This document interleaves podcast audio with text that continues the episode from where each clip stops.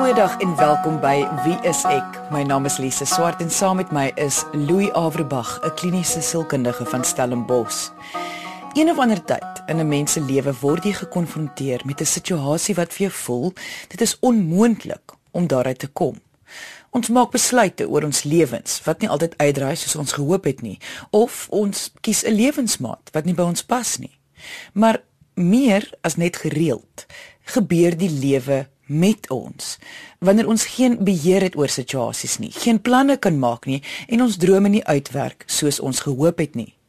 Ons gas vandag is Ronel en sy is tans in so 'n kom ons noem dit 'n hulpelose situasie. Maar laat sy liewer self vir ons vertel wat haar omstandighede is. Ons het haar naam verander en haar stem om haar identiteit en die identiteit van die betrokke partye te beskerm. So 2 jaar gelede het ek 'n wonderlike man ontmoet. Uh, ons het begin as vriende en toe dit oorgegaan in 'n verhouding en dit het nou maar net nie uitgewerk tussen ons twee nie, soos dit maar gebeur. En kort na ons uitgemaak het, het ek besef, um, met skok, dat ek toe nou swanger is dit is 'n groot skok want ehm um, wel vir verskeie redes. Een, ek is nou alleen. Ehm um, en twee, ek glo al vir 14 jaar ek kan nie kinders kry nie want dit is my 14 jaar terug gesê vir verskeie mediese redes. Ehm um, ek weet glad nie wat die woord in Afrikaans is nie, maar dit kom neer op 'n hostile uterus. So enigiets wat daar probeer neskrop word uitgeskop. Ehm um, so dit was die grootste skok dat daar toe nou uiteindelik in 14 jaar 'n 'n makkertjie survive it om dit nou so te stel. Ehm um, so ja, dit was was 'n skok. Ek het eintlik heel arrogant die swangerskap toets gedoen en gedink ag nee, wat wat's die kans?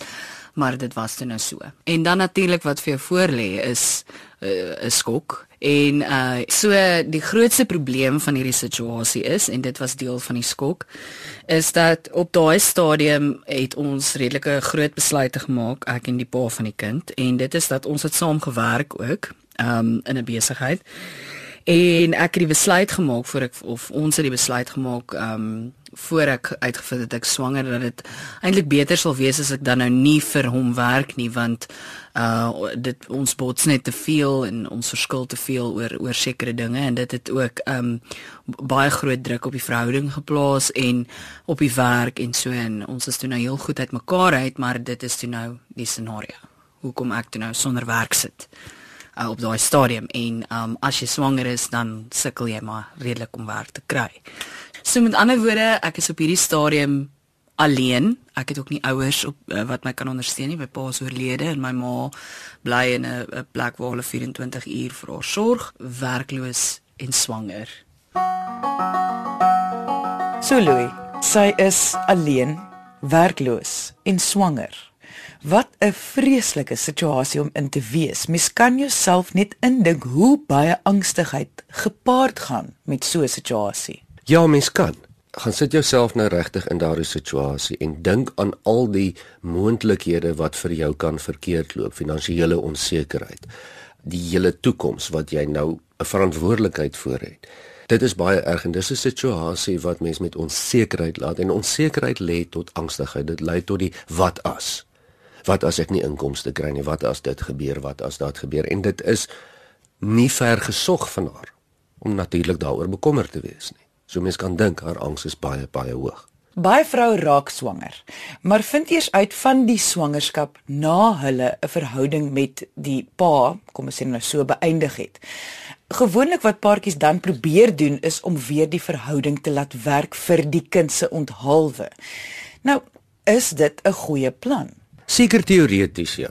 Want as mens daaraan dink, sal dit mos nou baie meer ideaal wees as die paartjie nou oor die weg kan kom, die kind het dan twee ouers, alles is net makliker. Maar mens moet dan in ag neem dat daar 'n rede is hoekom die verhouding dan in elk geval oorspronklik opgebreek het. Meeste mense is heel gemaklik met die opbreek van 'n verhouding, maar hulle is nie baie gemaklik daarmee as daar 'n kind by betrokke is nie, as daar 'n swangerskap is nie. Dit kompliseer die saak geweldig. Hulle het nie oorspronklik in hierdie verhouding ingegaan met hierdie ooreenkoms nie, nê. Nee. Dit was nie deel van die plan soos mense wat trou as hulle dan kinders het, is dit swaalf deel van die groter plan nie. Die reëls van die verhouding het nie dit behels nie. So nou het die reëls geskuif. So aanvanklik toe ek vir die pa vertel het ek is swanger met die kind, was hy um verskriklik opgewonde en um hy was ook nog nooit getroud of het kinders nie. En um hy was bly saam met my gewees en ons het toe nou besluit, okay, ons gaan weer probeer. Maar jy weet, ek weet nie dalk is die teorie as dit een keer nie gewerk het nie, dan gaan dit nooit werk nie. Ek weet nie of dit waar is vir almal nie maar in ons geval was dit waar dat die redes hoekom ons nie kon saam wees nie was nou ongelukkig net ehm um, reeds daar en ehm um, dit was nou nie die beste besluit om om om weer saam te kom nie en dit het toe nou weer nie vir ons uitgewerk nie. So op hierdie stadium is ons verhouding een van ons probeer om 'n manier te vind om buite die twee ekke 'n ons te kry wat werk vir die kind. Jy weet want dat ons wil graag omdat ons nie werk nie beteken dit nie nie een van ons is slegte mense nie. Dit dit is net ons is net nie bedoel om saam deur dit te gaan as 'n getroude paartjie nie, maar ons wil graag saam deur dit gaan as twee volwassenes wat kan liefde gee vir 'n kind. So ons albei is bereid vir dit ek dink ons albei gaan op ons eie manier goeie ouers wees. So, maar op hierdie stadium weet ons nie hoe nie. Ons het net nie die vaardigheid om dit uit te werk nie want daar is maar grys areas wat jy weet ek is emosioneel en hy weet nie lekker hoe om dit hanteer nie en almal alle paas of ma's wat nou luister sal weet 'n pa se eerste kind is vir hom nie eintlik 'n werklikheid tot die kind gebore is nie. So albei van ons het maar uitdagings want ek is bang en hy is bang. So ons sit eintlik maar bang en staar vir mekaar in die hoekie. Jy luister na Wie is ek met Louie en Lise op RSG 100 tot 104 FM. Hier het ons nou gehoor hoe hulle probeer het om weer 'n verhouding te laat werk vir die kind se onthaalwe, maar dat as 'n liefdespaartjie dit eenvoudig nie kan uitwerk nie. Nou wat nou? Hoe gaan hulle dan ouers kan wees lewenslank? Ons moet onthou kind is lewenslank. Dan vir hierdie kind. Dit impliseer onmiddellik 'n nuwe soort verhouding. Ons kan dan sê die liefdesverhouding het nie uitgewerk nie. Maar die mense is nou gedwing vir die res van hulle lewe om met mekaar kontak te hê as gevolg van die kind wat hulle saam het, heel waarskynlik. So hulle sal 'n nuwe verhouding moet hê. Nie 'n liefdesverhouding nie, nie 'n uh, noodwendig eers 'n vriendskaplike verhouding as hulle nie wil hê nie, maar 'n verhouding as ouers. En dis 'n nuwe rol vir albei van hulle. Ideaal sou mens dan wil hê dat hulle daai tipe verhouding hê, want dit kan mens hê sonder dat jy noodwendig selfs van mekaar hoef te hou as dit daarop neerkom. En wat mens nou regtig in gedagte moet hou, mens moet dan na die nuwe verhouding kyk as 'n soort vennootskap, soos 'n besigheidsverhouding. Jy hoef nie baie goed met jou vernoot oor die weg te kom nie. Julle hoef nie beste vriende te wees nie. Julle hoef nie eers van mekaar te hou nie. Maar baie vernote maak ooreenkomste met mekaar om albei se lewe gemaklik te maak. En dit is hoekom die hof dan baie keer eers direksie gee dat daar ouerskapsplanne in plek moet kom voordat die hof verdere beslissing gee. Wetende dat hierdie twee ouers sal in elk geval op 'n manier moet saamwerk uh, of hulle nou wil of nie.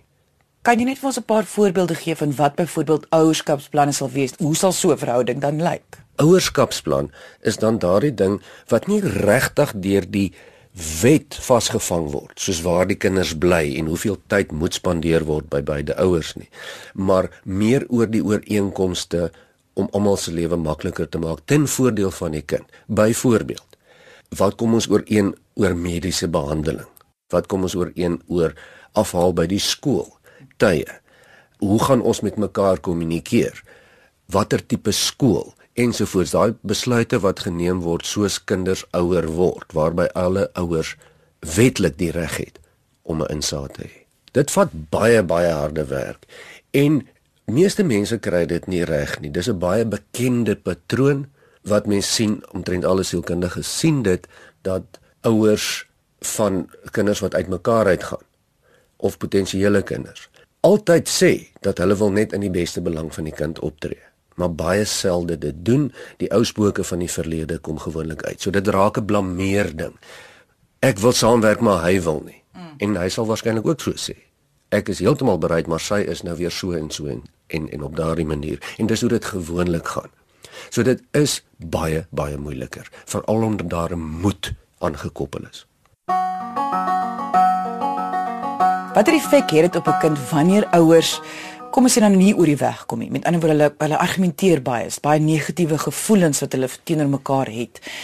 Is daar 'n emosionele langdurige effek wat dit op 'n kind het? Ja, natuurlik. En dit is van toepassing of jy of die ouers nou bymekaar is of uitmekaar uit is of nooit saam was in die eerste plek nie. Wat ons altyd sê is daar's nie regtig 'n probleem met ouers wat uitmekaar uitgaan nie of besluit dat hulle nie in 'n liefdesverhouding kan wees nie. Dis hoe dit hanteer word by ouers wat uitmekaar uit is in verskillende plekke bly of geografies geskei is of wat dit ook al is.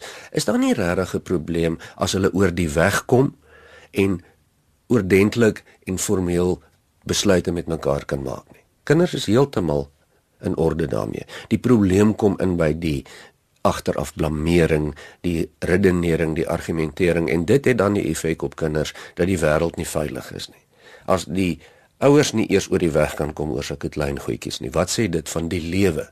Dit vorm ook 'n baie negatiewe rolmodel vir hoe verhoudings werk. Dit is nie negatief dat verhoudings soms nie uitwerk nie. Wat wel negatief is, is wat ons dan daarmee doen na die tyd. Maar ons weet dit tog, ons sien dit, ons weet dit uit die navorsing, kinders wat uit huise kom waar daar tussen die ouers geargumenteer is en daar nie 'n vorm van deernis is nie. Nee, dit is baie belangrik. Die deernis is belangrik wat saamgaan met respek. Is beduidend meer blootgestel aan emosionele risiko's om meer angstig te wees, om meer laag van gemoed te wees, om meer onseker te wees. Maar sê net my ouers kry dit nie reg om 'n verhouding waar hulle vriendelik, dog respekvol teenoor mekaar is te vorm nie. M maar hulle wil hê dit moet werk. Soos nou in die geval met Ronel. Moet hulle maar net aanhou probeer of moet hulle liewers maar 'n plan uitwerk om mekaar so min as moontlik te sien?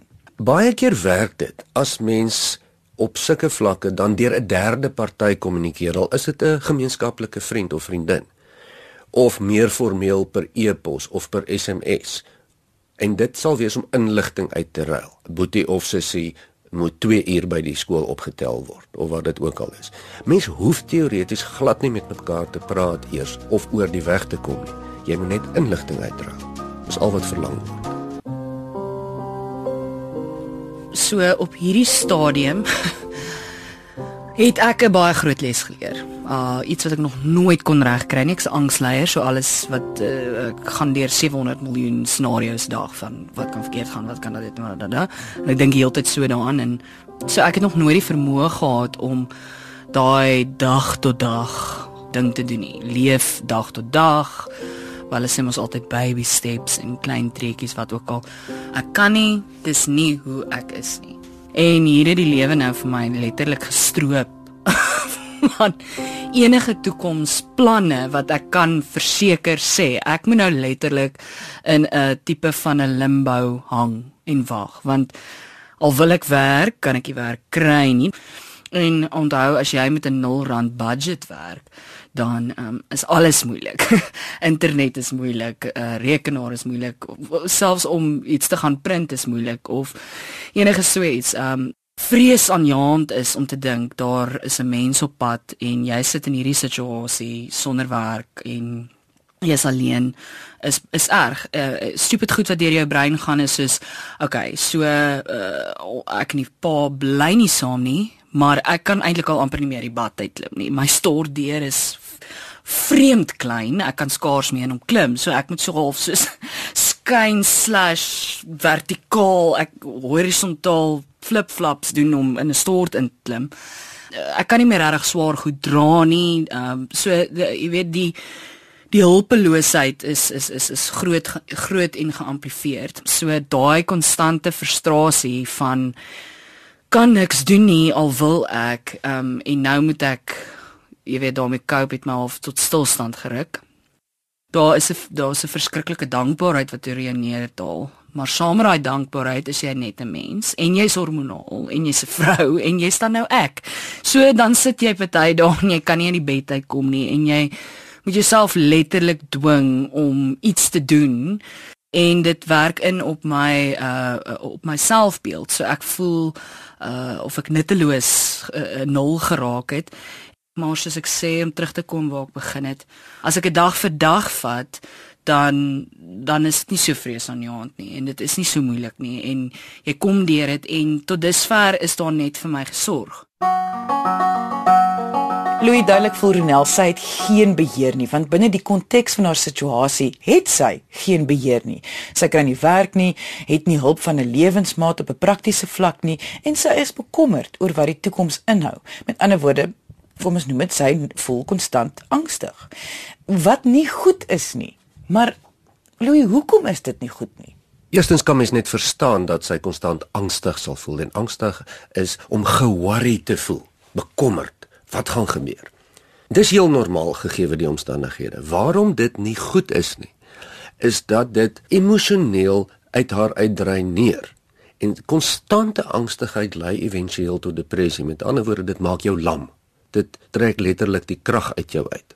So sy is dus 'n gevaar en 'n risiko op 'n emosionele vlak vir haarself. Nie omdat daar foute is met haar nie, maar omdat die omstandighede soveel druk op haar sit. Sy het dus geen ander opsie as om haar gemoed geweldig fyn dop te hou nie. Anders gaan sy dit nie maak nie. En hoekom werk dit vir haar om dag vir dag te werk te gaan? Dis al hoe mens beheer het. En ek wil amper sê dag vir dag is nog te lank. Mense wil amper kyk na uur vir uur. Jy kan net hanteer wat jy op die oomblik kan hanteer. As jy in die oggend opstaan, moet jy deur die dag kom, jy moet eet as jy kan, jy moet probeer jou take doen as jy kan en dit vat omtrent alles uit jou uit. Goed. Dit is totaal normaal om bekommerd te wees oor 6 maande van nou af en mens moet ook jou gedagtes daar rig partykeer om jou planne te maak, maar net tot op die vlak wat jy dit kan beheer. So wat ek dan in essensie sê is jy kan oor die hele jaar en oor die hele maand worry as jy wil, maar dit gaan jou niks help nie worry dan oor waarmee jy op die oomblik besig is en wat binne die volgende uur of 2 gaan gebeur. En dit gee kontrole want dit is al wat mens kan kontroleer. Kontrole is die vyand van angs. En dit is ons angs beveg. Jy luister na Wie is ek met Louie en Lise op RSG 100 tot 104 FM. Ek het besluit om 'n sielkundige te gaan sien want ek het regtig net gevoel so vasgevang gevoel en ek het konstant gehuil en um dit was verskriklik dit uh, jou jou gevoel van alleen word 10 keer geamplifieer as hierdie dinge vir jou voor lê so 'n vrou in 'n verhouding met sekuriteit en 'n werk het daai angs. Jy kan enige ma vra daai angs van gaan ek 'n ou goeie ouer wees. Die geboorte wat voor lê, die pyn, die ongemak, al daai goeters. Ehm um, so selfs al is jy in sekuriteit, ehm um, dink jy daaraan. So ek die angs wat daarmee saamgegaan het vir my om te besef ek is in die situasie waar ek is. Ek is werkloos en ek is alleen en ek is swanger. Alles wat vir my voor lê. Het ek besluit om 'n sielkundige te gaan sien, uh want ek wil nou nie sê ek wou nie meer leef nie. Ehm um, maar ek wou nie meer so leef nie. Ek wou nie meer so in so vrees leef nie. Hy het vir my weer 'n hoop en 'n kalmte gegee, net soos van 'n om jou emosies te kan hanteer eerder om te kan sit en kalm te raak. So ek het geleer om gaan sit en dink, hoekom is ek angstig? Hoekom voel ek soos ek voel? Is daar iets wat ek daaraan kan doen? As daar nie is nie, om dan vrede daarmee te maak en aan te gaan. Hy leer jou 'n 'n denkproses om om deur hierdie moeilike tye te gaan. Leer jou om uh, kalm te raak en na 'n plek te gaan waar jy net kan asemhaal en die verligting wat dit vir my gebring het en um die rustigheid uh, was fantasties en is fantasties. Uh, so dit het my dit het my verskriklik baie gehelp om om om deur te druk deur hierdie tyd.